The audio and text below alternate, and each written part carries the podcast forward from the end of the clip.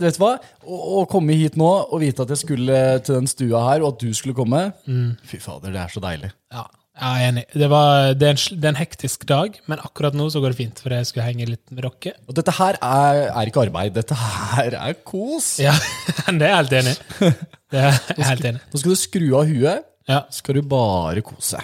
det er kanskje dumt å skru av hu- huet før man skal gjøre en time podkast. Brødrene, brødrene Arnesen. Kom igjen, broderen! Brødrene, brødrene Arnesen. Nok jingle nå. Sett i gang poden. Ja, da er vi på en ny location, Erlend. Altså, det her Dette her er da Det må jeg si er en oppgradering! Det er i hvert fall litt mer plass. Ja, Er det ikke det? Ja, for hvor var dere før? Nei, vi var eh, i Erlend sin tidligere lille krypinn på Bislett. Og det var et krypinn. Jo, men det var skikkelig sånn man måtte krype inn. Og det var koselig, da. Veldig koselig, men veldig slitt. Ja. Men eh, nei, vi la jo grunnlaget der, da, broderen. Nei, det gjorde vi hos meg. Dette er jo tredje location.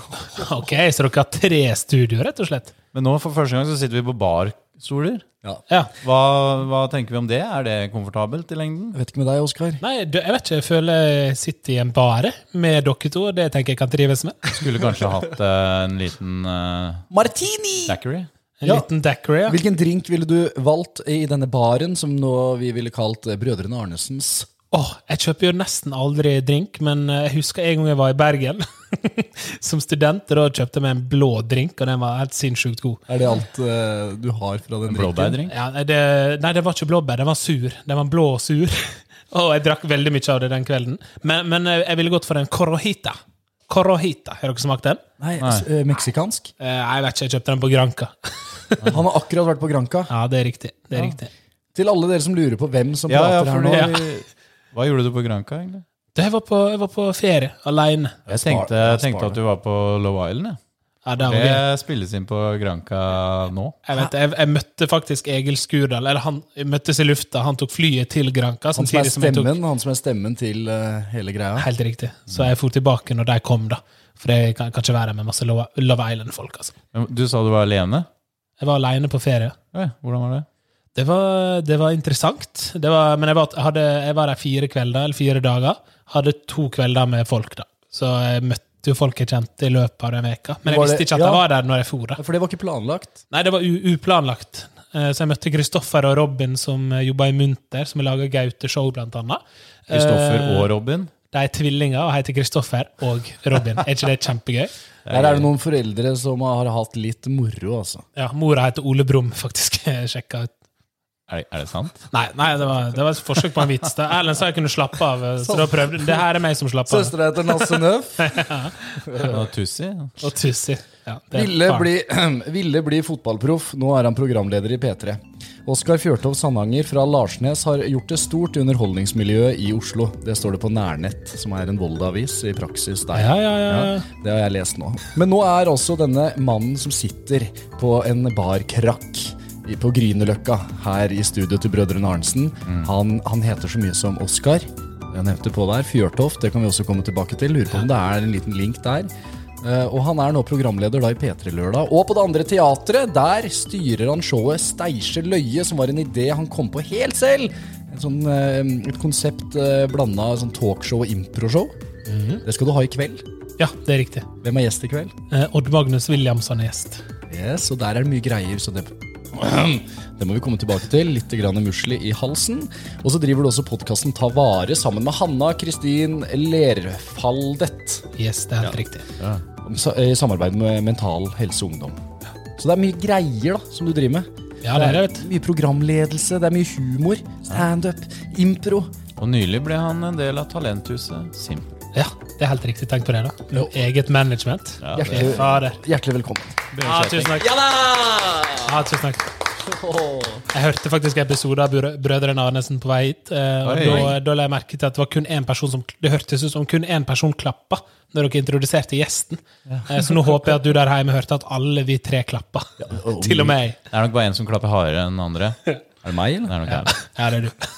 Hvilken episode hørte du? Eh, den, eh, jeg hørte den med Martin Holmen. Ja. Jeg hørt. Kollega? Eh, min kollega Martin Holmen. Eh, og så har jeg også hørt starten på em, ah, Det er flaut å ikke huske hva han heter. Det er veldig dårlig. Den siste episoden dere ga ut. Nei, nest siste. Jo, men det er ikke så lett. Det, var, det var- Johannes Magnus. Magnussen. Riktig. Johannes Magnussen. Ja, ja, ja, Perra. Han eh, drev og rota fælt nå i siste episode, jeg sånn, men vi trenger ikke å prate om Jeg har ikke sett mer av Perra. Ja, du droppa det etter at han var hos oss. Ja, jeg så de første uka, og så intervjua jeg han, og så gadd jeg ikke se. Nei, du gjorde researcharbeidet, liksom, og det var det nok. Men nå har han jo sett alt av Love Island, da, for han trodde at du skulle være med der. Ja, det har jo ikke begynt å gå ennå. så det- Nei, det er vanskelig, faktisk. Oskar, Ja. eh, kan vi ikke starte da? Altså, når vi lista opp alt det greiene her, Ja. da har du liksom alltid drevet med så mye opplegg? Altså humor, hvor, hvor er det alt det her starta? Oi, eh, hvor det starta? Det, det starta jo hjemme da, i den lille bygda Larsnes, koselig. med 500 innbyggere eh, og god stemning. Eh, Hvor i landet skal vi da? da skal vi helt på Søre Søre Sunnmøre. Okay. Helt eh, ved Havlandet, som de kalte det før i tida. Eh, der jeg er født og oppvokst. Og hadde veldig lite mulighet for å drive med humor der. Eh, så da var det fotball. da. Derav eh, så sitter jeg her i Manchester Ja, United. derav denne her ja. saken som jeg starta med i dag. Da ville bli fotballproff, nå er han programleder. Ja, det er riktig. Og jeg har jo fortsatt en drøm om å bli fotballproff, bare så det er sagt. Jeg føler den drømmen tror jeg aldri dør. Det, sier, det har jeg sett at du sier i mange intervjuer. og ja, men, ja, for det jeg tenkte på nå, sånn, men må man bytte på hva man sier i sånne intervju? For jeg har ikke vært i så mange, jeg har ikke vært i så mange podkaster, men jeg var gjest i, i Anger, eh, og da snakka vi også om at jeg hadde lyst til å bli fotballproff, og at jeg fortsatt har lyst til det. Jeg må slutte å si det, Nei, kanskje. du er ærlig, da. Det er jo er det ærlig. som er Ja, ja. historien din. Altså, Helt til du er på Lindmo og har sagt det der. Ja, men nå, eh, det, Da må vi kjappe oss, da. For Ja. Lindmo skal legges ned, vet du. Det er ikke mye igjen av det nå. Så nå er det en ledig spot. Brødrene Arnesen, rett inn. Nei, Else Kåss tar over eh, talkshow-verden, hun òg. Ja, jeg tror det, men har ikke gjort det allerede. Talkshow er eh, Det er eh, nesten dødt, det nå. Ja, men det er, nesten, det er vel kun Else som nå etter Lindmo seg. Seertallene har ikke vært all verden de første tre episodene der, dessverre. Nei. Det programmet som vi skal prate om eh, nå etterpå, da, som går live Ja. uten noe TV-opplegg, men Steisje Løye, som du driver eh, hver eneste uke, det er jo et slags talkshow. Ja, og jeg skulle ønske at det var hver eneste uke, men det er dessverre ikke det heller. Men eh, det er en gang i måneden. Eh, Hver eneste men, uke. men hvis du filmer det, så kan du se det fire ganger da, den måneden. Jeg føler liksom at eh, Når jeg ser promoteringa, så tenker jeg at det er hver eneste uke. Men det er fordi dere er så flinke til å tenke liksom, Jeg får så lyst til å dra dit hver Ja. eneste uke. Kan du ikke forklare hva slags show Steinkjer er, da? Jo, det kan jeg. Eh, er jo et, eh, et talkshow, men med innslag av forskjellige andre humorsjangre. Eh, Så konseptet baserer seg på at jeg hadde lyst til å lage et show. Og I starten så var kanskje tanken at det skulle bli et slags soloshow, men så skjønner jeg at det jeg syns er aller gøyest sjøl når jeg går på show, er å se masse forskjellig, bli overraska, ikke minst. Så da tenkte jeg fader, nå skal jeg lage et show som kan overraske, og som føles spontant. Eh, Så konseptet går ut på at jeg intervjuer en kjent gjest i dag eh, eller i kveld, eh, Odd Magnus Williamson. Og så skal forskjellige komikere lage ny humor basert på talkshow-sekvensen som jeg og Odda har på scenen. Så da skal en gjeng fra det andre teateret med improvisatører derfra lage impro-scene og sketsjer rundt livet hans. Eh, Sjur Vatne Brean og Tord King eh, eh, går sammen og er revyduo for anledningen og skal lage en sketsj, mens det, kan det bli da, Nora Svenningsen skal eh, lage standup eller roast eh, eller så videre, så videre. Hvordan hun løser det, er opp til henne, men basert på livet til Odda. Så det er egentlig litt eh, det konseptet er. Og det jeg liker aller best med det, er jo at det føles internt. At du kan ikke komme inn, Hvis du kommer i andre akt, så, kan ikke du, så skjønner ikke du vitsene som kommer, fordi du må se første akt, du må se intervjuet for å, for å fatte humoren som mm. skjer der. Jeg kan jo nevne i fleng her da, Erna Solberg. Ja. Som gjester. Hun har vært gjest. Ja, det var helt sjukt, altså. Else Kåss. Solveig Kloppen. Vita Wanda. Bjarte Tjøstheim. Dan Børge Akerø. Oi, den er, den er svær. Ja, Dan Børge, det var stas. Gjett om han spilte fløyte med nesa, da. Else Kåss har du hatt? Hæ? Else Kåss? Else var gjest noen i, var det i oktober, da. Det var et av høydepunktene. Da, eh, vi sung til henne. Det Apropos overraskelse, så hadde vi en sekvens der, vi skulle, der jeg fikk mamma på scenen, for mamma var i salen fra Sunnmøre til Oslo. Eh, og eh, så sung jeg og mamma den der Jahn Teigens låt 'Vakreste som fins' til. Else, og på et punkt så kommer det et kor inn, eh, og det var, det var så gøy, fordi Else satt jo og grein og grein, og publikum bare begynte å skrike. Og det var, det var det var ordentlig god stemning. Ja, du var der, du. Stemmer det.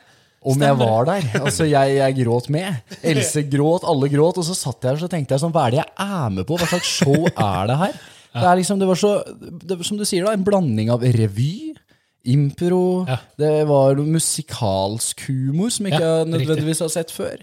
Og så var det eh, ikke minst da talkshow, hvor du sitter og intervjuer gjesten. Det var en sånn utrolig kveld hvor jeg bare gikk ut, og så tenkte jeg, det her, det ga meg så mye glede og energi. Ja, men det er godt å høre. Og det, jo, og det gjør det jo med meg også. Jeg hadde jo slutta med det for lenge siden, for jeg har masse jobb eh, og booking, og jeg står jo på en måte for alt sjøl. Men eh, nei, det er virkelig liksom givende å jobbe med det showet. Men Altså. Erna, hvordan var hun? Erna var jo eh, Hun var jo, hun fikk jo spille impro, da. Eh, Olli, Olli det og Mikkel Niva og Kristine Grensen var med for som improtrio på det showet. Og så, så skal Erna opp og spille impro med dem. Og så, så, sier, så sier Olli sånn Ja, men da må du, du må spille østlending. Og så eh, sier han sånn Nei, det kan jeg ikke gjøre. Og så, så sier han sånn Jo da, vi prøver. Og så går, begynner scenen, og det første Erna sier sånn eh, det, Hun kommer inn ei dør, ei imaginær dør, som hun improviserer frem, og så sier hun sånn jeg kommer ikke til å snakke østlending. og det er jo det motsatte av det man skal gjøre. Det vil stritte imot en bergensers eh, ære og instinkter. Ja, ja, ja. Det, det er livsfarlig. Ja, Vet du. fikk dere henne til å gjøre noe som helst sånn eh, Ja, hun ble med på impro, hun åpna noen dører. Og, Og dette var uh, utafor valg, eller? det var, Nei, det var i forkant av valget. Det var rett før valget. Men hun ble, Ja, ikke- hun ble ja, ikke stemt frem. Det ble Du ikke. får med politikere på overraskende mye Ja. i ukene og månedene før et valg. Ja, ja, jeg har hatt med, det, det er flere politikere som har vært innom også, så de stiller opp der, vet du. hva- Hadde du, Husker jeg ja, hadde du Kveld Moxnes? Norge. Mo- Moxnes? Nei, ikke at det er Moxnes? Moxnes. Nei. Nei, Jeg husker fra God kveld Norge at eh, før valg, da var de der politikerne fritt uh, vilt, altså. Da, Ja. da, da fikk vi folk som vi vanligvis ikke vil få i intervjusetting. Ja, ikke sant? Jeg tenkte på det, du har veldig gode gjester i Steiseløye. Hva, hva på en måte får de ut av det? Stiller de opp gratis, eller skal de ha en cut, eller sånn eh, for å være med på det? Ja, altså De stiller opp så å si gratis. Ja. Eh, Politikerne gjør det gratis. Ja, de skal ha stemmer. Ja, Men eh, nei, er, altså, det, det er masse goodwill ute og går, ja. Ja, Eh, Så, så det de får ut av det, er jo at de har jo liksom hele andrakta, som er deres sitt show, så det er jo det jeg prøver å selge inn. At jeg er ikke så interessert i å ha med gjester som ikke har så lyst. Eh, Fordi du får uansett ikke godt nok betalt for å være med på sånne, sånne show til å, eh, til å skulle, skulle si leve av det. Så absolutt prøve å liksom skjønne om den personen har lyst, og hvis jeg merker sånn hvis jeg merker en sånn at de ikke har lyst til å være med, da er ikke det så interessant lenger. For man må på en måte, Det, det så jo du. Du ser at Else syns det her er gøy. Men det krever det mye ikke sant, eh, av den som er med. Du har ikke lyst til å ha med noen som er litt sånn åh, nei, dette er en- en kjendis da, som ikke Mm. liker så godt å Oppmer oppmerksomhet. Nei, det, det, er feil, det er feil show å være med på da. Og som publikummer òg. Det er livsfarlig å sitte der. Er, men, men det er kun eh, ment godt, altså. Men det er litt den derre du kan bli pekt ut. Mm.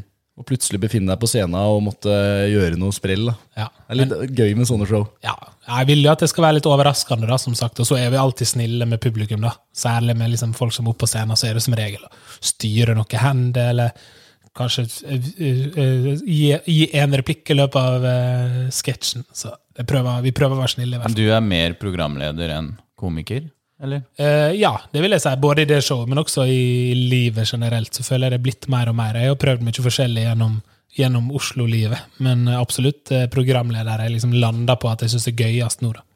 Og konferansier. Mens vi skal ta nå og ta, Hvis du tar denne, og så tar jeg den, fordi Ja, for hører du at det knirker litt? Ja. Jeg sitter litt eh, Nei, men den er, jeg, jeg prøvde nå min, og så prøvde jeg å jeg holdt på å si jokke litt fram og tilbake. Jeg sitter litt rolig. Nei, men den er tryggere, tror jeg. Skal jeg så kan jeg sitte musestille. Hør på, hør på den her, da. Hør på den her. Ja. Ja. Her, er ikke, det- her var ikke så mye knirk. Nei, det er det som er fint, og jeg, jeg, kan, jeg- kan liksom finne helt balansen der. Ja. Så kan du få lov til å gjøre hva du vil. Ja, det er hyggelig, for jeg er ikke så god balanse. Humor-Norge, hvordan er det Altså, jeg kan veldig lite om det her. Flytta til Oslo ganske nylig. Broderen, du har fått sett det litt fra journalistisk eh, Jeg, jeg føler side. eh, det er, dette kan jo du mye mer om, men jeg føler Humor-Norge, Humor-Oslo, veldig lite. Ja. Lite miljø. Definitivt. Og jeg har sånn følelsen av at det liksom eh, dreier seg litt rundt eh, humorniøet. Og der går du inn der, så møter du veldig mange. Og jeg tipp, Men hvordan, hvordan opplever du det? Eller det andre teatret, kanskje. Ja, men, men eh, sånn sett for liksom komikere så er det jo Njø enda, i enda større grad. fordi på det andre teatret så er det flest forestillinger som er blant eh, som er med ensemblet på det andre teatret. Ja, som er en Eh, gjeng. Ja, Som er på en måte de faste skuespillerne. Det er alltid en gjeng derfra som er med på Steikjeløy også, for eksempel. Så jeg er veldig heldig som alltid har med meg eh, landets fremste improvisatører, om ikke verdens fremste, faktisk. Eh, hvis man gjør litt research på det, så er det ikke så mange som driver eh, teater på samme måte som det andre teateret. Eh, men Njø er en veldig samlende plass. Det er flere ganger jeg stikker på Njø alene, fordi jeg vet at jeg møter masse kjentfolk ja, ja, ja, uansett. Eh, og om det er på en måte, Jeg var på en innflyttingsfest her for to uker siden. Kjente at eh, nå, var det, nå var det greit med innflyttingsfest. Visste at jeg potensielt kunne møte noen kjentfolk på Njø. Tok en taxi opp til Njø, møtte masse kjentfolk. Og blei ble en sein kveld. Men Njø ble etablert for ikke sånn altfor lenge siden. Ja, de hadde en scene på Kiellandsplass før de flytta dit de er nå. Er i kjelleren på Colonel Mustard. Yes. Men er det litt sånn eh, eh, for de som bor i Distrikt-Norge og har en drøm om å bli komiker, er Njø liksom den derre deres mekka, på en måte? Pilegrimsreise til Njø? Ja, kanskje det å bare stikke innom Njø, på en måte. Eh, Men det er klart, du må jo, du må jo hvis du skal stå standup eller drive med impro, sånn, så må jo du starte med det først. Du kan det er ikke sånn at du blir komiker av å drikke øl på Njø. Eh, da har det vært altfor mange komikere, for der er jo mye folk hele tida.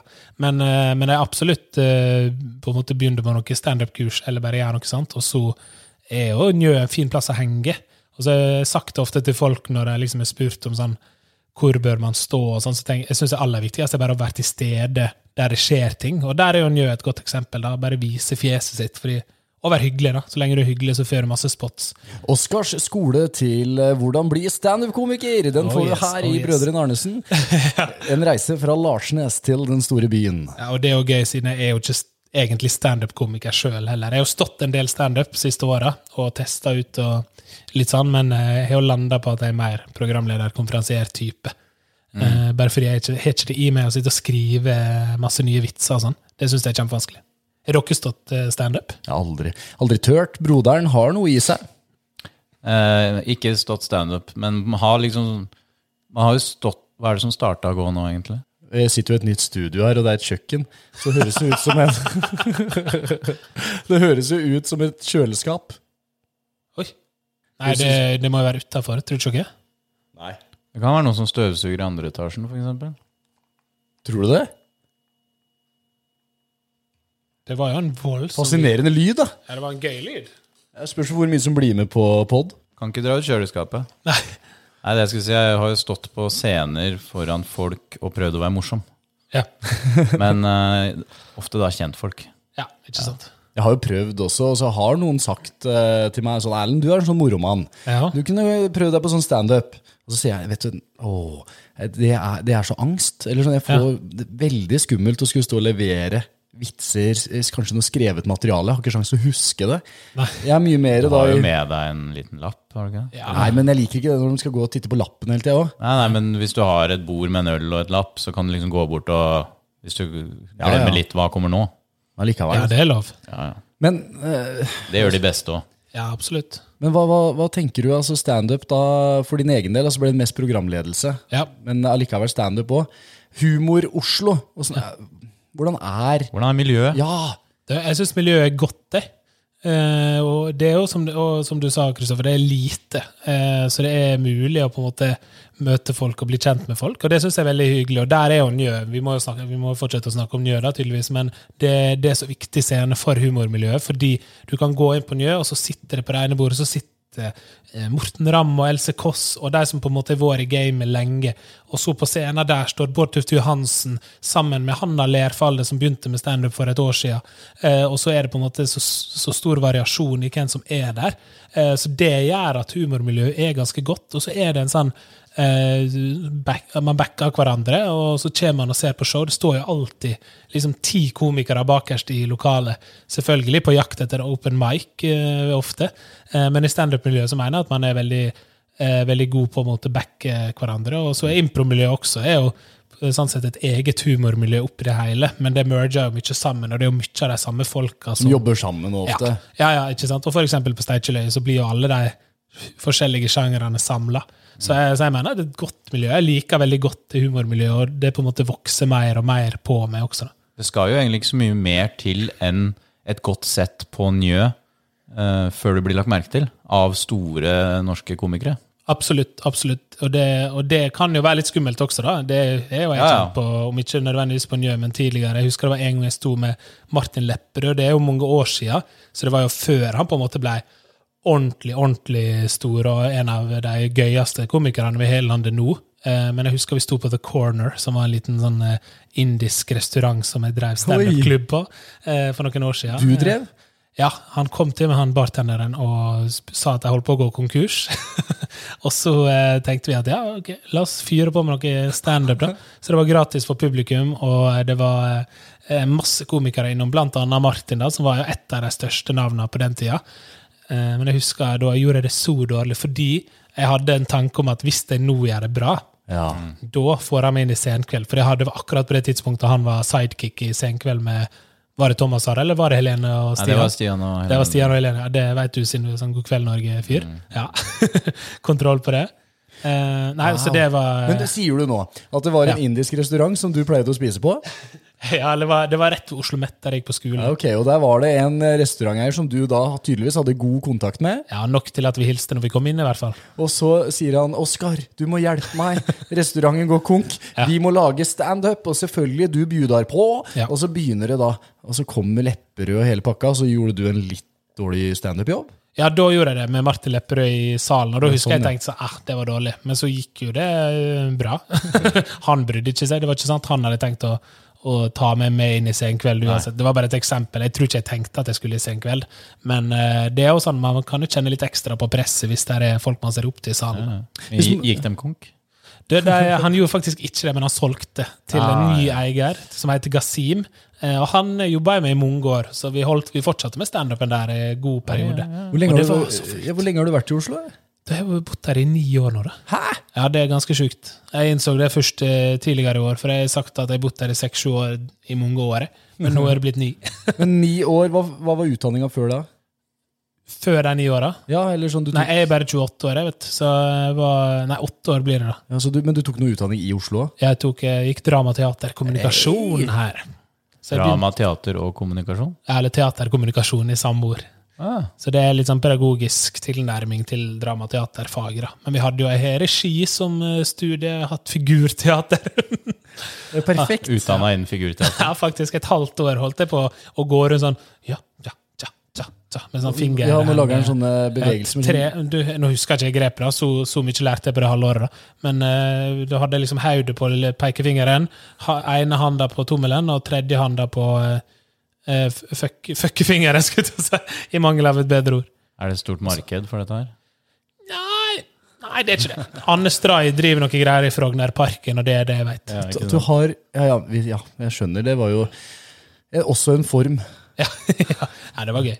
Og så, eh, så fikk jeg lov å forske i revy, da, så det var gøy. Da fikk jeg lage barnerevy, revy for barn, så det var morsomt. Så det har jo blitt mange år da i Oslo. Du har blitt veldig kjent uh, i miljøet da, og, og kjent med liksom, hva som rører seg. Og du kom hit, da, men når du kom hit da i studietida, Ja. og, og liksom reisen fram til nå, da, har du merka de ni åra der? Altså, alt som har skjedd, Er det noen sånne milepæler du kan ta oss med på, som vi kan eh, se tilbake på da, som noen avgjørende øyeblikk? Um, jeg har vært veldig opptatt av at uh, uansett hva jeg gjør, så skal jeg ha det gøy. Uh, så det var viktig for meg. Så det har gjort at jeg på en måte klarer å nyte litt det at man uh, står standup på The Corner, da, som er en liten plass. Men jeg tror jeg husker den, den første kvelden på The Corner er jo en sånn milepæl, fordi da jeg var konferansier, da, så jeg sto jo en del standup, testa materialet. Eh, og så husker jeg det var så mye folk at det sto folk ute på gata, og døra var åpen, sånn at de på gata også kunne høre. De fikk ikke lov å drikke øl, så de drev og bytta på. Så noen gikk inn for å drikke litt øl, og så gikk de ut igjen og satt fra seg ølen inne. Det var helt kaos. Men Hvordan klarte du det når du var helt nyetablert i Oslo? Det var, det, var, det var venner og venners venner, og jeg, fikk, jeg fikk, hadde mange debutanter på scenen. Vi var liksom en gjeng som drev på med standup i Oslo, som ikke var standup-komikere i Oslo. For jeg hadde ikke gått noe RDK-kurs, eller noe sånt, så jeg kjente ikke de andre komikerne så godt. Så det var på en måte meg, og så var det eh, det var, det altså, jeg, tror jeg, jeg tror jeg telte at det var 40 debutanter som debuterte på, på Standup Corner, da, som det heter, på et punkt når vi lagde oss Facebook-side eh, noen eh, måneder ut i oppholdet. Så det er eh, det første du vil trekke fram fra Oslo-karrieren. Ja, ja, det, ja, det tror jeg må være første. Men eh, nei, så jeg vet ikke, jeg fikk jo mulighet til Mental Helse Ungdom til å være programleder og lage Føleren, som var en YouTube-serie der jeg gama med norske forbilder. Det var gøy. Det husker jeg var kjempegøy. Og det tror jeg var en milepæl, absolutt, fordi jeg, da fikk jeg mulighet til å for det første møte masse kule folk og fine forbilder. Men jeg fikk også laga mitt eget program som gikk på YouTube, som ligger ute på YouTube fortsatt. så dere kan Hei, gå inn og se på det. Eh, men som ikke fikk så Det var ikke sånn at det var masse lyttere. Nå ringer telefonen min. Vent litt. da. Jeg må bare ta den, du. Nei, jeg må ikke ta den. altså. Var det sånn med Stig Brenner og sånn? Oskar er en opptatt mann. Det er faktisk Sjur Atle Breen som skal være med på showet. Ja, det får du ta. Det er klart den skal ha Er han skuespilleren? Han som tok livet sitt i, Han, i ja, han som tok livet sitt i Rådebank. Nei, nei. Ja, han er med i kveld! Å, jeg har så lyst Han til lever. Jeg syns det er så vanskelig Lever. Jeg synes det er så vanskelig å ikke dra på Steinkjer Løie. Det, det, er, det er vel ikke så vanskelig å ikke Jo, dra sånn. det er en sånn fomo. Det er på en måte bare å ikke dra. Kanskje Men det bare, er- kanskje bare komme, da. Jo, men det er jo livet, da. Eventuelt. Eventuelt. Det er jo noe, så Innimellom så er jo torsdagen, ikke sant? så er det ikke mulig. da Og da, da sitter jeg der så ser jeg på bildene fra det. og så skal du i tenker jeg, kveld, da? Nei, jeg skal ta eh, en eh, kaffe med Jeg skal ingenting. ja, jeg, jeg skal det! Jeg skal møte ei som har gått Skal Ta en kaffe klokka fire. Ja, jeg skal møte ei klokka fem som har gått Norge på langs. date? Jeg lager jo en serie. 366 dager. Ja. Jeg gjør research. Den må du reklamere litt for. Ja, Det kan jeg reklamere for. Gå inn på Instagram til eh, undertegnede. Takk. Ja. Erlend Arnesen. Det var det dere fikk. Det var det vi fikk. Der kan dere få masse svar på spørsmål dere kanskje ikke trodde dere lurte på. Men Oskar, Ja. hvis vi går litt uh, tilbake. ja. Uh, du ville bli fotballproff, men du skjønte etter hvert at det, selv om du ikke er i topphoppet, så skjønner du at det, det, det kommer ikke du til å tjene store penger på. Nei, det tror jeg ikke. Men uh, hvordan reagerer på en måte folk rundt når du velger et såpass usikkert yrke som det du valgte å studere? Det var jo teater Ja. eh, og komikeryrket, Heller ikke veldig eh, stabil inntektskilde. Absolutt ikke. Jeg husker jo eh, at det var Og og i hvert fall når man kommer fra ei lita bygd, så er jo det litt sånn man, Folk vet jo, og visste jo allerede da, at, at jeg valgte noe annet. Noe som var litt uvanlig. Eh, Så jeg husker at jeg fikk Jeg tror, jeg, jeg tror folk var liksom Folk var liksom supportive og heia, men jeg følte også jeg var sånn ja, ja, når jeg kom hjem på bygdefest, så var folk sånn Ja, ja, hvor går det i Oslo-bygda, da? Er det noen som ler? Fortell den beste vitsen din, da. Og jeg var sånn Nei. Oslo-bygda. Oslo-bygda, det, det sier man på Sunnmøre. Ja, hvor går det i Oslo-bygda? så, eh, så, så jeg tror, men jeg tror folk liksom heier egentlig, og i hvert fall nå jeg merker det i stor grad, eh, særlig etter liksom P3 og sånn, at folk da får jeg masse meldinger og snaps fra folk jeg ikke visste jeg hadde på Snapchat engang. ja, men nå er du jo i avisene der. Nå Ja. skriver de jo om den som eh, Ja. Larsnes store sønn. Det, er det faktisk han Bjart Marriere som er Larsnes store sønn. Ok, hvem Husker er dere han? Han var Nei, tidligere rikskring... Riks, oi, det er alltid et vanskelig ord å si. Riks. Rikskringkastingssjef, okay. tror jeg. Så ikke helt oppe på hans nivå ennå. Ikke helt ennå. Det nærmer seg. Ja, det er vanskelig, da. Så fra Larsnes der, ja, og så begynte litt på starten der. Ja. Moderen og faderen og sånn, og du flytta, og så var det litt sånn Ok, skal du til Oslo nå? Drive med humor? Ja, mamma og pappa har alltid heia, og de, men også var realistisk. Jeg husker Pappa ville litt at jeg skulle ta lærerutdanning, for jeg vurderte det også da jeg søkte dramateaterkommunikasjon. teater, kommunikasjon. Eh, Og jeg har jo tatt PPU nå i de senere år, så jeg på en måte jeg liker å undervise og tror nok jeg skal gjøre det også en eller annen gang i livet. på en eller annen måte. Men eh, nei, de er alltid heia, altså. Og hører på P3 Lørdag hver lørdag, og alle tar vare-episoder, og prøver å få med seg Steinkjeløy så ofte som mulig. Selvfølgelig litt vanskelig når de bor på Sunnmøre, men eh, så absolutt fått hei, heiing fra, fra familien, altså. Det, Hadde du noen eh, Eller har du hatt noen sånne øyeblikk hvor du har tenkt at faen, dette her går ikke. Nå må jeg bli lærer. Eller nå må jeg finne på noe annet å drive med. Ja, jeg husker jeg sto standup i Bergen en gang, og da gjorde jeg ordentlig dritt. Så jeg hadde med hel klasse, hele drama, teater, kommunikasjon, klassa, var og så på. Og de var jo gode i gassen. Og jeg, som sagt, som jeg nevnte i stad, jeg visste jo ikke helt hvordan standup-miljøet funka. Om man skulle møte backstage eller sånne ting. Jeg visste jo ingenting av sånne ting. Så jeg satt jo bare i salen med klassen min og så på til det var min tur. Eh, Og jeg var nest sist på, og alle, alle komikerne starta settet sitt med å si sånn Sorry, folkens, jeg er ikke Oscar. Fordi 30 fulle dramateaterkommunikasjonelever satt i salen og hadde drukket seg opp. Og jeg var jo der helt klin edru og var kjempenervøs. Sant? Og så gikk jeg på scenen, og så husker jeg at mens jeg står og prøver å få folk til å le Fordi min klasse var jo liksom for full til å le. Eh, mens publikum hadde altfor høye forventninger med tanke på at jeg hadde stått tre ganger før. liksom. Så da husker jeg at det var noen som sa på sida av publikum som var sånn Han var jo egentlig ikke så gøy, han der Oskar. Sa han høyt til naboen. Så da kjente jeg at da, da, da tok det litt tid før jeg sto standup igjen. da. Og da tenkte jeg sånn kanskje, kanskje burde jeg bli lærer. For det er jo, men det er jo hardt, det du driver med. Du eksponerer eh, deg selv. altså Du står i front på scenen. Du må tåle presset. Eh, Du gjør eh, show foran massevis av folk. Men åssen er det en sånn nervøsmessighet? Nei, blir, blir du stressa? Ja, altså, jeg kan bli, kan bli nervøs, men, men, men jeg prøver jo bare Eller jeg føler jeg har stått nok på scenen til at jeg klarer å gi litt F hvis det, hvis det er en vits som ikke funker. Så ler jeg bare sjøl, og så sier jeg til publikum at det ikke funker. Uh, så jeg, jeg føler jeg er blitt sånn trygg nok på scenen til å skjønne at uh, at jeg har noe å komme med. Jeg stoler på at jeg har noe å komme med, og jeg vet at jeg skal videre. Om det er i Steinkjeløy eller om det er på improscenen, eller hva det er, så vet jeg på en måte litt sånn hvor jeg skal. Eh, så nå er jeg blitt litt sånn Det er ikke så viktig hvis jeg gjør noe feil, eller hvis jeg driter meg ut, fordi enten så kan det kan jo bli gøy at jeg driter meg ut, at jeg gjør noe som er så dårlig at folk syns det er gøy, eh, eller så bryr ikke folk seg. Og hvis det ikke så Så jeg er lite nervøs, faktisk lite nervøs, altså. Men det, er fint, det der er jo fint å kunne ta med seg hvis man hører på.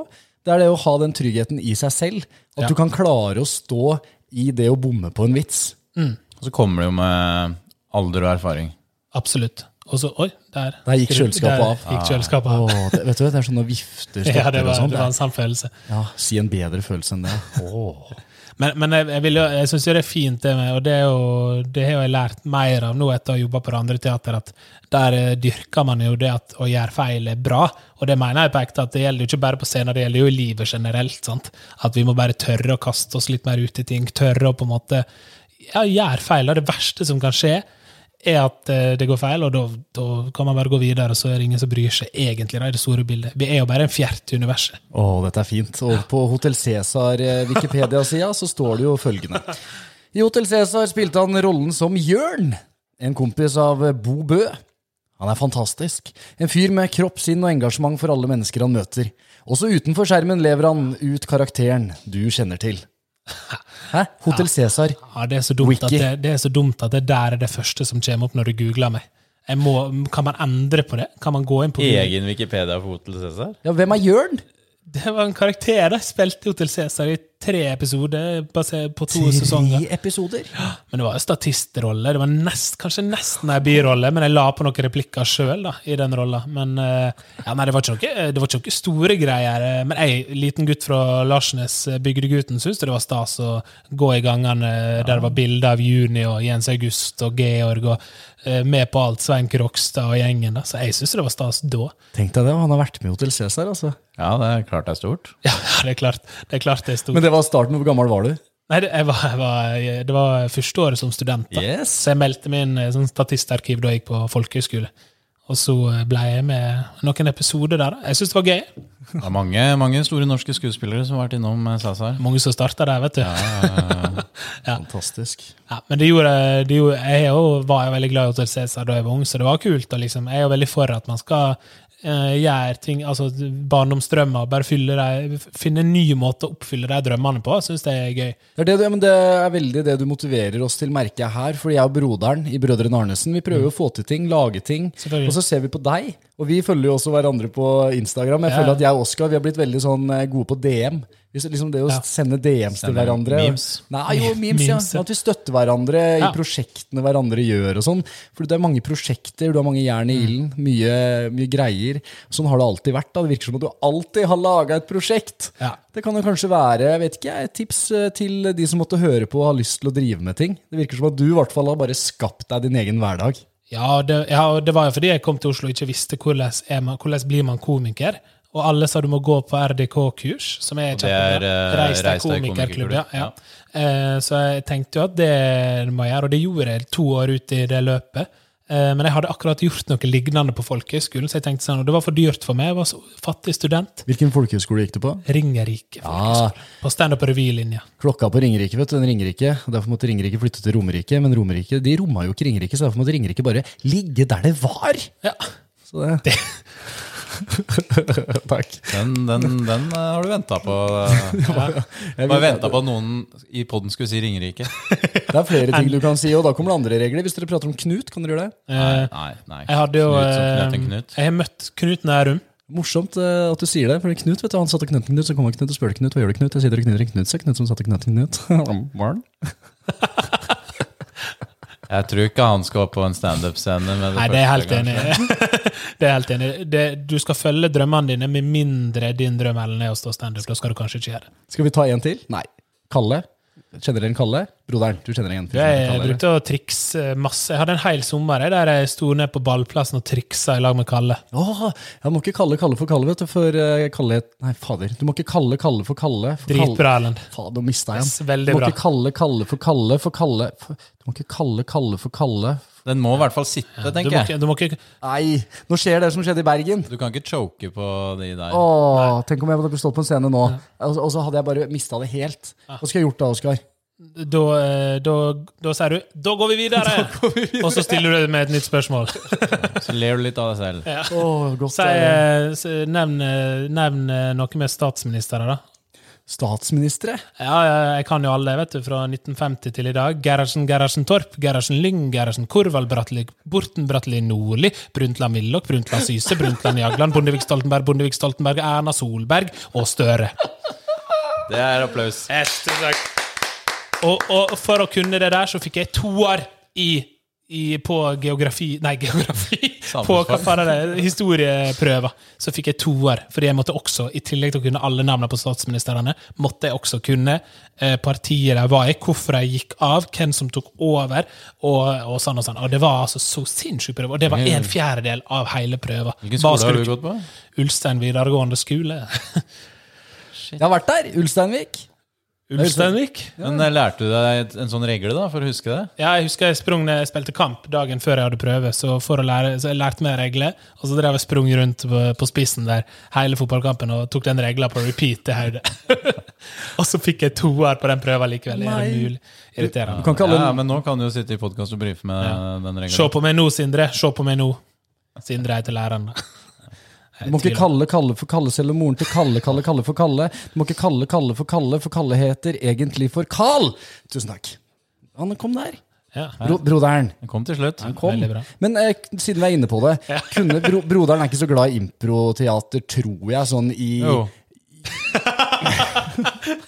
Jeg har vært på det andre teatret. Jeg syns det er gøy. Ja, Jeg men Er du glad i å Du, spille jeg impro? sier jo ikke Jeg at, har ikke prøvd. jeg sier Jeg jo tror ikke jeg at, faktisk kunne vært ganske ålreit. Ja, ok. jeg sier ikke at du eh, ikke liker å se på det. Du elsker jo å se på humor og underholdning og sånn. Men jeg vet ikke hvor eh, fan du er at vi nå kanskje kunne ha fått noe improlek fra Oskar. For det har jeg nemlig tenkt på at vi kanskje kunne gjøre nå som det har gått eh, 40 minutter av denne podkasten. Ja, det er fint. Kjøre en liten improlek med meg og broderen. Ja, Skal jeg sette dere opp Jeg Ja, scene? jeg tenkte liksom? at du kunne, For det er jo det dere gjør, Ja, ja. Uh, har jeg skjønt, da. og det er, det er helt rått. Og jeg, når jeg sitter i salen her, så tenker jeg at, dem, altså, at man orker, eller at Ja. dere klarer det. Ja. men jeg kan sette dere opp i en scene. Eh, Nei, kanskje hva, er det, hva er det som skjer nå? Hva er det- Nå skal dere, vi- spille, dere skal spille litt impro da, for oss. For oss, meg og alle mine personligheter, og alle lytterne, ikke minst. minst. ja. Broderen, nå skal vi spille impro. Å ja. Jeg trodde du begynte scenen. nei, jeg har ikke fått noe av deg ennå. Nei, nei, ok, men dere skal spille eh, Relasjonen deres er Dere er fett, fe- fettere. Nei, dere skal på date. Første date. Oi, fra første, til date. Ja, det, ble, det er gøyere. Eh, Men når som helst i, i dialogen dere har på første date, så kommer jeg til å slenge ut forskjellige dialekter. Og denne her har jeg Eh, sett Og da må dere gjør. bytte dialekt underveis. Ok, Eh, ok, da starter scenen. Ja. Hei, hei, velkommen til restauranten. Skal det være noe å drikke? ja, gjerne. Jeg vet ikke hva du vil ha. Jeg er min Skal vi bare starte med to strawberry daiquiris, da? Det skal bli. Det høres godt ut. Nå må dere bli litt kjent. Ja, hva, Hva heter du? Jeg veit jo hva du Trøndersk. Jeg veit hva du het, ja. Du var en eh, Du, du var for en Kalle, du. Ja da, Ja. det er jeg som en Kalle. Eh, Det var noe hyggelig at vi matcha på Grinder. er det du som er en Tormod? Jeg er Tormod, ja. Ja, du ser noe Svensk. Ja, jeg er Tormod, og jeg gillar eh, killar. Jag gillar korv. Jag, gillar, jag gillar... Hvilken type korv? Jag gillar eh, korv. Jag- Jeg kan jo like Jeg, jeg kan jo like eh, mange typer pø- pø- pølse. Du vet at uh, Bodø spiller kamp i kveld. Kanskje, kanskje vi skulle dratt på, på en uh, brun pub og sett på Dansk. Skulle sett på Bodø- Bodø- Bodø-Glimt? Skal vi få skugge se at det, det skåres mål i bord. Men uh, hva med deg? Hva, hva gjør du? Hva jobber du Hva med? faen, mann? Hva faen, mann? Hold nå kjeft, mann! Hold nå Yes, ok. eh, da var det to strawberry decorates eh, her. Ja, takk. Takk. takk. Kan vi få to tuber? Ja, det skal bli, vet du. Kan vi låse? Ja. Ok, vi tar scenen der. Stor applaus. Ja, veldig bra. Tror du dette er interessant for lytterne? Ja, ja, det tror jeg. Her syns jeg faktisk Hvis Oskar altså koste seg, så tror jeg lytteren. Ja. Terningkast her. Jeg vil gi Skal du gi det? Nei, nei, nei, men jeg, Nei, okay. jeg bare føler at broderen lå mye høyere enn meg her i denne scenen.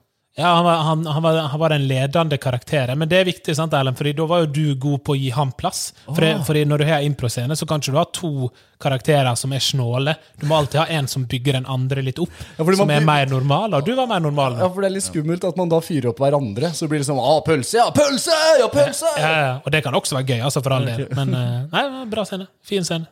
Lite, kanskje lite historie, for dere snakka egentlig bare om ting som handler om dialekter, på et vis. Gikk fra, og så Særlig når vi avslutta med Camelåsa, da tok jeg scenen. Da skrudde vi av lyset.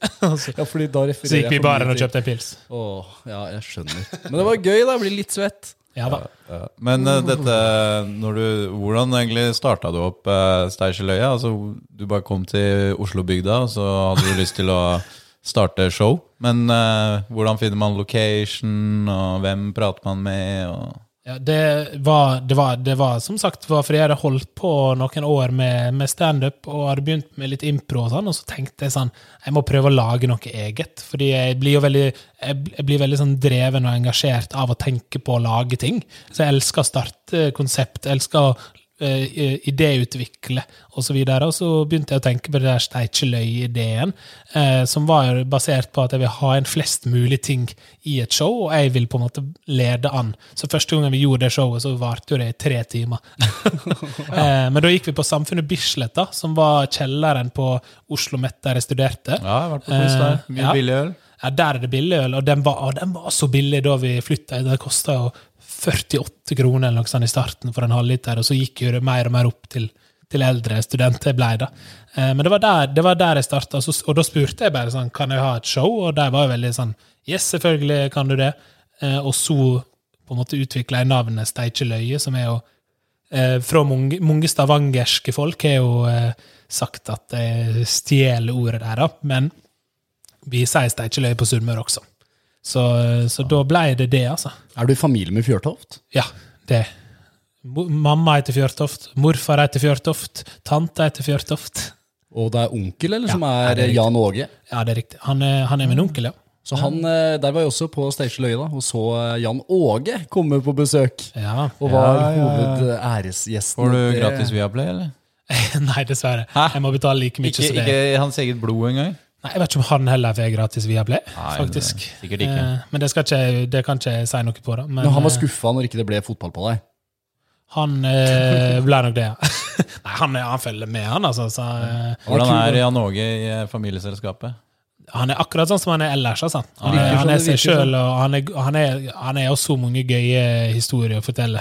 Eh, Og et eh, levd liv. Så, så han, eh, han er til stede, han, altså. Det er han absolutt. En du så opp til i oppveksten og sånn, eller? Ja, og egentlig fortsatt nå, fordi ikke, ikke av fotball nødvendigvis, men bare måten han, eh, han driver på i livet på, og har forskjellige businesser og oppdrag, og måten han kjenner folk på og er med folk på, så jeg ser fortsatt opp til han, altså. Ja, jeg elsker måten han Han gir så faen, han. Ja, ja. Altså Han får jo så mye kritikk i kommentarfeltet og på Twitter og overalt, for han, er- han er jo en karakter. ja, ja. Men og, han gir så faen i, det, i det kritikken. Og om det er fra Carragher eller om det er fra en eller annen uh, i, i, i Oslo-bygda. Ja, ja. Han reagerer på samme måte uansett. Ja, ja, det er, ikke så, det er ikke så viktig for han. Han fikk jo en del kjeft da han eh, hadde det intervjuet i hva var semifinale eller kvartfinale i Champions League, når Liverpool gikk videre, og Jon Arne Riise og Kerriger og Jan Åge sto på indre bane. Det var jo ikke lov å stå der han sto, tror jeg. Så det, altså, det vet jeg han snakka om sjøl i egen podkast, sånn, så derfor kan jeg si det. Men eh, ja, nei, jeg, ser absolutt opp til han. Han er god, eh, ja, god med folk også. Og så, er han også en bygdegutt, da. På samme måte, så Han setter jo i gang masse ting hjemme på Sunnmøre, og det også er jo inspirerende. sånn sett. Ja, det er kult. Nå, eh, nå Oskar, du har jo på, ja, du har jo fulgt i din, din onkels fotspor. Selv om han eh, driver på en litt annen måte, så driver dere jo på med underholdning. Han med litt fotball, og du mer imot uh, underholdning, humor, standup, uh, impro. Mye gøy. Ja. Uh, og nå tenkte jeg på at vi må jo bare sette det at du nå jobber i P3. Ja. Og landa draumejobben, som det står i diverse medier. Og det er der vi er nå med deg, etter ni år i Oslo, som vi nå har på en måte kommet oss igjennom. Vi begynner å få et bilde av hvordan dette har vært for deg. Mm. Og til slutt så ringer det en telefon, og da er det ring, ring, ring, ring. Du, kunne du tenkt deg å gjøre Petra Laura, da? ja, det var ganske akkurat Var det sånn sånn eh, dialekt? Ja, det var, nei, nei, det hadde vært litt rart. Han var trønder, han som ringte. Men ellers var det ganske likt. Altså, Hvis du tar det på trøndersk nå Ja, eh, Oskar, kunne du tenkt deg å gjøre P3 Lørdag?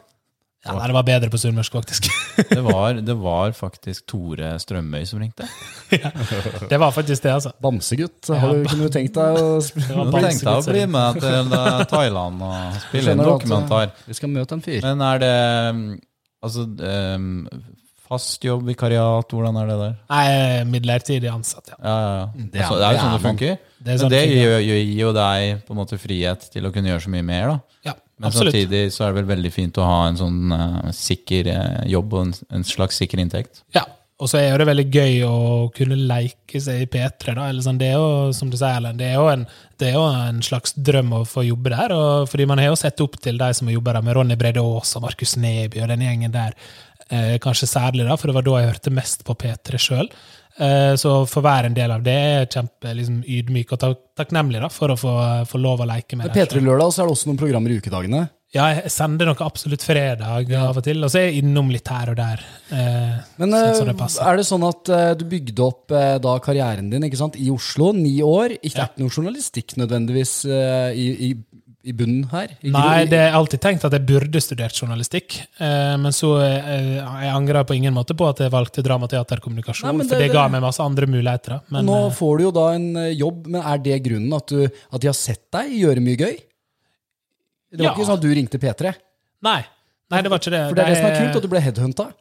Ja, ble jo på en måte litt det. Og så har jeg vært, men så det skal være sagt at jeg har vært innom i NRK litt forskjellig, på forskjellige måter. Laga noe påskeradio lag med Martin Holmen for noen Ja. år siden eh, i MP3. Og så, så jeg har på en måte fått vært litt innom her og der, så det, jeg var ikke helt ukjent for dem. Eh, men det er klart, det er jo det De er har jo sett deg i podkasten antageligvis, at du kan intervjue og sånn. Ja, jeg håper jo det, da. At Men hva er, at hva er mesteparten av den jobben i en P3 Lørdag? Er det å, å være alene, underholde lytter og spille musikk, eller er det å snakke med gjester? Ja, det er litt begge deler. P3 Lørdag er jo lagt opp. Du er jo vår gjest, du. eh, Jeg fikk lov til å være gjest med Ja, da ja, ja. konseptet 'Dette lurer jeg på'. 366 dager, 366 spørsmål. TikTok, Instagram. Og TikTok. Nei, så, så, men jeg har jo, jeg jo min egen produksjon, ja, så jeg booker inn gjester, jeg planlegger hva jeg har lyst til å prate med dem om. Jeg eh, får tilsendt musikken, da, det gjør jeg. Eh, og så, så er det flytradio, så det er mye musikk og mye god stemning. da. Er- og ja, ta med lytterne inn i lørdagen, rett og slett. Det er så koselig å sitte her. Og det er så mange kule gjester du har der. Jeg føler at du har møtt så mange kule folk i den byen her. Jeg ser på den Ta vare-podkasten. Altså, det er jo hele Kjendis-Norge som har vært innom for å prate om psykisk helse. I P3 Lørdag der den har hele Humor-Norge, hele Influencer-Norge, hele Ja. men Det er en fin måte å møte folk på. det. Jeg har veldig, jeg alltid vært veldig glad i å møte nye folk, eh, og det er fortsatt. Eh, Så jeg syns det er noe av det mest givende med jobben, både i P3, men også Steikjeløy og ta vare, for så vidt. Det er jo den der å bare møte nye folk. da, Sånn som i dag også. Vi har jo møttes litt før, Kristoffer, men ikke prata, vi har ikke prata i, i eh, 50 minutt sammenhengende før. Det har ikke Nei. Eh, Mens jeg og du, Ellen, har også bare møttes gjennom noen NRK-greier. og eh, jeg syns det er veldig gøy, da, for det er ikke så ofte man møter nye folk i voksen alder på, og kan få mer kontakt med dem. Kunne ikke vært mer enig. Så jeg syns det er noe av det mest givende. Å bare møte, og bare sitte der med, med, med liksom eh, Nå, nå kom jeg ikke på noen. Ravi. Ravi. Han har jeg faktisk ikke hatt som gjest. Men du skal eh, ha et show med. Jeg skal ha show med Ravi, fordi eh, vi skal ha en fredag på Njø scene 15. mars. Det bare kommer det gratis fra Hva- 67. hva er hvis du greia? i Oslo. Det er, bare, det er et vorspiel på Njø. Eh, gratis vorspiel for publikum. Eh, jeg skal Med Oskar og Ravi. med Oskar og Ravi. ja, det, apropos barndomsdrømmer, da. Jeg elsker jo Ravi som er liten. Ja, men, ja, er det, men hva er greia? Hva skjer med at du og Cheerio. Bye, bye. Hva skjer med at du og Ravi skal ha show? Nei, bare spurte, da. Du spurte Ravi? Ja, jeg kjenner han litt fra, litt fra før. Eh, og så eh, bare spurte jeg om han hadde lyst til å komme og ta noen låter der. Eh, og det gjør han, da. Så da blir det noen låter. Og så blir det noe standup og noen andre komikere før, da. Eh, som foreløpig er liksom hemmelig. Eh, men så avslutta Ravi showet, da. Så min drøm der, og mitt mål med det showet, er å synge en duett med Ravi på en eller annen måte. Ja, det, det får du til. E-ordet, eller? Ja, det er jo favoritten, da. Eller, Blitt eh, brakt nytt liv inn i den nå, med Beethoven. ja, ja, ja. Når du setter opp året blir jeg slått ut. Etter den låta. Det spiller masse på P3. Ja, du, nå har han fått den Velger du musikken P3-schwungen. sjøl på P3, eller? Nei. Nei. Så du, du, kan du ta imot ønskelåter? Ja. Ja. Har du en ønskelåt? Tja, jeg pleier alltid bare å ta Gold Digger. ja, men eh, du skal få den. Det er min go-to. hvis Du skal få, du skal få Gold Digger. Så slipper jeg å sitte og tenke, for ellers så får jeg bare sånn jernteppe. Ja, ja. Hva vil du ha? Det er Gold Digger. Ja. Det blir Gold Digger. Men uh, du er jo signert i Simple. Ja. Et, Gratulerer! Uh, Takk og takk. Et, et management, et eh, talenthus, kaller de seg. Ja. De har uh, ganske mange andre komikere, Egil Skurdal annet, som er på Gran Canaria nå. Hva betyr det egentlig, at du er signert av dem? Det, uh, for, det er veldig nytt, da, foreløpig, eh, men det betyr jo at det er en gjeng der oppe som skal prøve å gi meg jobber. da. Eh, Som skal prøve å eh, bygge meg som profil. Eh, Og det er på en måte litt der vi er foreløpig. Jeg skal litt og ta noen bilder på tirsdag. Så får jeg noen nye bilder til forskjellige arrangement. For det bildet jeg måtte bruke på Ravi-showet, er sånn bilde jeg har tatt ute. Med jakke på. så eh, Nei, men det, det, det er jo management, da. Så jeg har fått en egen manager. Vilde er min manager, så nå står det sånn kontakte Vilde på, på bioen min på Instagram. Eh, som er jo eh, fett. eh, nei, så det er egentlig det det betyr. Er det mange- Er det mange prosent de tar? For da, de vil jo da finne jobber til deg. Dette vet jo du også om, Vi har jo management, vi òg, så det, Ja, det veit vi jo. Jeg spør jo for lytteren. Har dere management? Ja da. Ja, er broderen. management? broderen. Nei, vi, altså, det, det her eh, Brødrene Arnesen er også et management. Jeg er manager for en som heter Harald Ronsli. Ja. TikToker, Instagrammer. Ja, ja. ja, så Brødrene Arnesen er et management? Eller har dere et management? Management under, altså Brødrene Arnesen er jo podkasten og på en måte selskapet, Selskapet til meg og broderen. AS heter Arnesen Entertainment. Ja, ok, Så det er et management- og produksjonsselskap. Ja, sant, skjønner. skjønner. Så er jeg er nok litt for spirrevipp til å klare å ha noe kontroll på andre. Han er Ja. profil. Du er profil. Ja, ja, ja. Så Ja, da ringer jeg broderen, og det er litt gøy da, at broderen er min manager. Da. Ja, så det er deg, Når jeg skal ha Erlend til å stå standup for første gang, så er det Ja, deg jeg skal ja, kontakte, da det, Kristoffer, for at. Erlend skal stå. Kontakt med meg, ja. Ja. Jeg er redd for at den sender seg sjæl. ja. kan, jo være, kan jo være like bra. Jeg, kan- jeg, kan- jeg kan ta den, jeg er veldig god på dialekter. er. Ja, er Trenger du en trønder? Jeg stiller. Men eh, ja, er det, er det sånn at de tar en køtt av alle jobbene du også finner? Uh, ja, jeg er litt usikker på hva jeg er lov å si om sånne ting. Er ikke det sånn kontraktsfest og sånn? ja men det, Det, var, det, er ganske, det er nok en vanlig Få si det du da, broderen, hvordan det funker, sånn ja, altså, folk alt der ute de lærer det. ordner for Oscar, har de jo sikkert 30 av. Det er det som er bransjestandard. i Så hvert kan fall. han nikke eller smile, sånn er radio. Eh, men det er jo rett og rimelig, for de ordner ting for han. Jeg vet, men, eh, men eh, så er det jo også folk som Det er jo også kontrakter hvor det står at managementet skal ha en cut av absolutt alt du gjør. Ja, det har jeg hørt om. Eh, Og det er det jo mange influensere og sånn som ikke er helt fornøyd med for tiden. Da. Men eh, Ja, sånn, for er, sånn, er, det det kan jeg si. det, sånn er ikke det med simpel. da. Litt kan, mer, litt mer simpelt. Det er litt mer simpelt. Ja, for det er, jo, Det er jo- spennende det her, da, akkurat den der, at influensere har den der mailen som du kan kontakte. Selvfølgelig. Og at man er da i et management, og at de årene jobber for deg. det er jo som et agency for skuespillere òg, som jobber for at du skal få roller i filmer og serier. Og. Ja, Betyr det broderen, at du skal ha 30% av alt jeg, altså det jeg gjør? Det går jo inn i vårt selskap, Ja, så det Du har jo en fordel der. Jeg har en stor fordel der.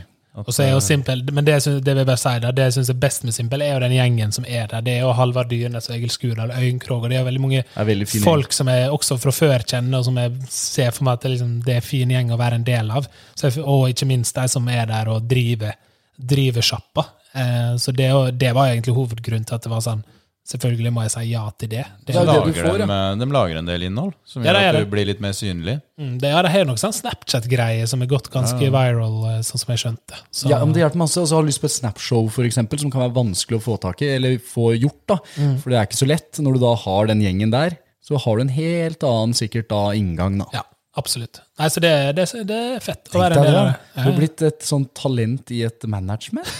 Ja, vi, vi får se, da. Vi får se. Hæ? Fra uh, ville bli fotballproff. Nå er han programleder i P3 og signa av Simpel. Ja, tenk på det. Tenk på det. Kan du gi oss en liten Sky's limit. På slutten her. Oskar, kan du Ja. gi oss en liten sånn Oscars guide til et bedre Oslo-liv? Oi. Uh, ja. Har du, har du noen sånne ja, har du Kan du gi meg en jingle, da? Eller kan dere gi meg ja, en jingle? broderen har noen liggende her. Hvis du bare drar opp spaken først. Dra opp, spa dra opp spaken, Kronk! Ok, tusen takk. Tusen takk. tusen takk. Ja, men hvor er jingeren, da? Hei og velkommen til Oskars guide til et bedre Oslo-liv med meg, Oskar. Jeg har tre gode tips som du skal få fra meg i dag for å få et bedre Oslo-liv. Eh, nummer én Kom deg til helvete ut! ja, det er det første. Der er masse å oppleve i Oslo by. Du kan gå på det andre teateret, du kan gå på Njø scene, du kan gå på Carls på Carl Berner, eller du kan gå på Brygga. Aker Brygga og spise en is når det er sommer. Eh, mye å gjøre i Oslo. Det er tips nummer én. Kom deg til helvete ut! Ja. Ja. ja. Ja, Jun, jun, jun, jingle. jingle. Jun, jun, jun. Du må dra opp spaken, Kronk. Yes. Tips nummer to Jeg trenger ikke hele jinglen. Eh, tips, nummer, tips nummer to eh, ah, Jeg følte jeg brukte opp alle tipsene mine i tips nummer én. Ja, det var alle stedene. Jeg skulle bare jeg Kom deg ut, kom deg ut i marka! Eh, tips nummer to eh, Restauranter, jeg vet ikke. Har du noe Tips nummer to blir jo fort Tilt. Hvis du er i Oslo, Ja, gå på der, Tilt. Det er sånn eh, arkadespill. Du kan spille pinball. yes. Dritgøy. flere ganger? Og det er så gøy der. Men det koster. Ja, det koster. Men alt, men alt mynter koster. Men alt koster. Mynter og pils. Tips nummer tre. Vær spill litt mer jingle, for jeg må tenke litt. ja, det er jo å være med folk du er glad i. Ja! Og ikke minst gå og se Koffa spille kamp for de Oslos beste fotballag. Nei. Der, ja. Der. Tusen takk. tusen takk, Det var alt jeg hadde. Oskar Fjørtoft, mine damer og herrer. Yes. Ja da! Takk. Nei, men eh, det, det høres greit ut. Er det noe mer du har lyst til å si til brødrene Arnesen? Her vi sitter? Er det noe mer på hjertet? Er det noe mer på hjertet? Nei, jeg syns vi, vi har vært innom masse. Fått sett dere spille litt impro. Kanskje vi avslutter med litt impro, da? Ja, vi må gjøre det. Eh, fordi jeg tenkte, jeg vurderte denne øvelsen opp mot den andre i stad. Ja. Eh, men jeg tenker det er, det er helt fair og rimelig å avslutte med en runde med sex med meg. Ah, Som er- Er som. med meg? Se, Sex med meg er som, er det den? ja, eller, ja, men vi kaller den sex med meg for, å, for sånn at lytterne blir sånn skal, vi, skal dere ha sex? Hva, hva Eh, slags, Skal du stå nå? Ja. Du må stå. hvordan funker den leken her? Det er barkrakkene må vi jobbe med, tror jeg. Ja, det tror jeg også. Sex med meg eh, er en øvelse som går ut på at eh, vi får forskjellige, eller vi finner ut av sammen da, forskjellige, en kjent person, en tematikk eller et eller annet. Så sier vi sex med meg er som det vi sier der, og så sier vi en punchline. Så Erlend, kan du si en kjent person vi kan lese om i nyhetene om dagen? Ja, ja, det kan vi. Det kan jeg eh, godt Bare si en. gjøre. så- Du trenger ikke å bruke så lang tid. Bare si en. uh, nei, Hvem som helst. ja, det, det er Ole Einar Bjørndalen. Ja, ok, sant. Sex med meg er som eh, Ole Einar Bjørndalen. Det er mye skyting involvert. Ja. Så at nå kan, nå kan du ha en liten sånn Klappinga. Ja. Nei. Ok, det er gøy. Det er gøy med den lyden. Okay. Ja, men det er Om det er morsom eller ikke, så har du gul hvis det er morsomt, og så har du grønn hvis det ikke er morsomt. Ja, så da velger du. Ok, Men da må dere også slenge dere på. sant? Ja, ja, ja. Sex med meg som Ole Einar Bjørndalen. Sex med meg, det er som Ole Einar eh, Bjørndalen. Eh, treffer blink hver gang. Ja, men det er jo gøy! Det er gøy at du Jeg sier det jeg gøy. skal styre den der. Ja, ok. Eh, Eh, Sex med meg er som Ole Einar Bjørndalen. Du sitter igjen sliten med slim rundt munnen. det er gøy. Ok, da tar vi, vi tar en ny ting. Tar, la oss ta, eh, la oss ta en, eh, en, eh, en ting som dere ofte snakker om i Brødrene Arnesen. da. Et eller annet dere ofte snakker om her. Penger. Penger. Sex med meg som penger. Har masse av det. Oh. Ah, ok, jeg fikk ikke for den. Sex med meg er som penger. Du har for lite, men du vil alltid ha mer. Jeg er snill, jeg er snill med deg, broderen. Syns det er fint, det. Sex med meg er som eh, penger. Det er som penger. Det er ikke noe du trenger. Sex med meg som eh, Penger. Pappa har lært meg alt jeg kan om det. Sex med meg er som eh, penger. Jo mer, jo bedre. Ja. men, ok, En til, da. En ny kategori. En ny kategori. Eh, Jeg syns dere er flinke. Uh, TV Vladimir Putin. Vladimir Putin. Ja, men det er, er, det, er det greit? Det er spørsmål vi ikke var innom i dag. Se, sex med meg som Putin, er det greit, eller? Var ikke det gøy? Sex med meg er som uh, Vladimir Putin. Du kommer til å hate meg etterpå. Jeg vet ikke om jeg skjønner den. Men det går bra. Nei, ikke Trykk på, trykk på den. Oi, Ja, der, ja. Okay. det er ny. Du kan le òg nå. Sex med meg er som eh, Vladimir Putin. Eh, det er ofte en bjørn involvert. Ja, takk. Ja. Sex med meg som eh, Vladimir Putin. Folk dør av det. Ja, ja, ja, ja, ja. Den, den likte dem. Og det var alt vi hadde fra brødrene Arnesen her i dag. Takk for at du hørte på. Vi er tilbake neste uke med ny gjest og nye sexleker. Dere, dere skal få avslutte episoden sjøl. Altså. Ja, takk for at du kom, Oskar, og lykke til i kveld på. Steinkjer Ja, hvis dere hører podkasten i morgen, så er det for sent. Oi. Men da er det show på Njø. Ja. Med, med Ravi. Med Ravi. 15. 15. mars. takk, takk for at jeg fikk komme. Veldig gøy time. Oskar! Brødrene, Brødrene Arnesen. Kom igjen, broderen! Brødrene, brødrene Arnesen. Nok jingle nå.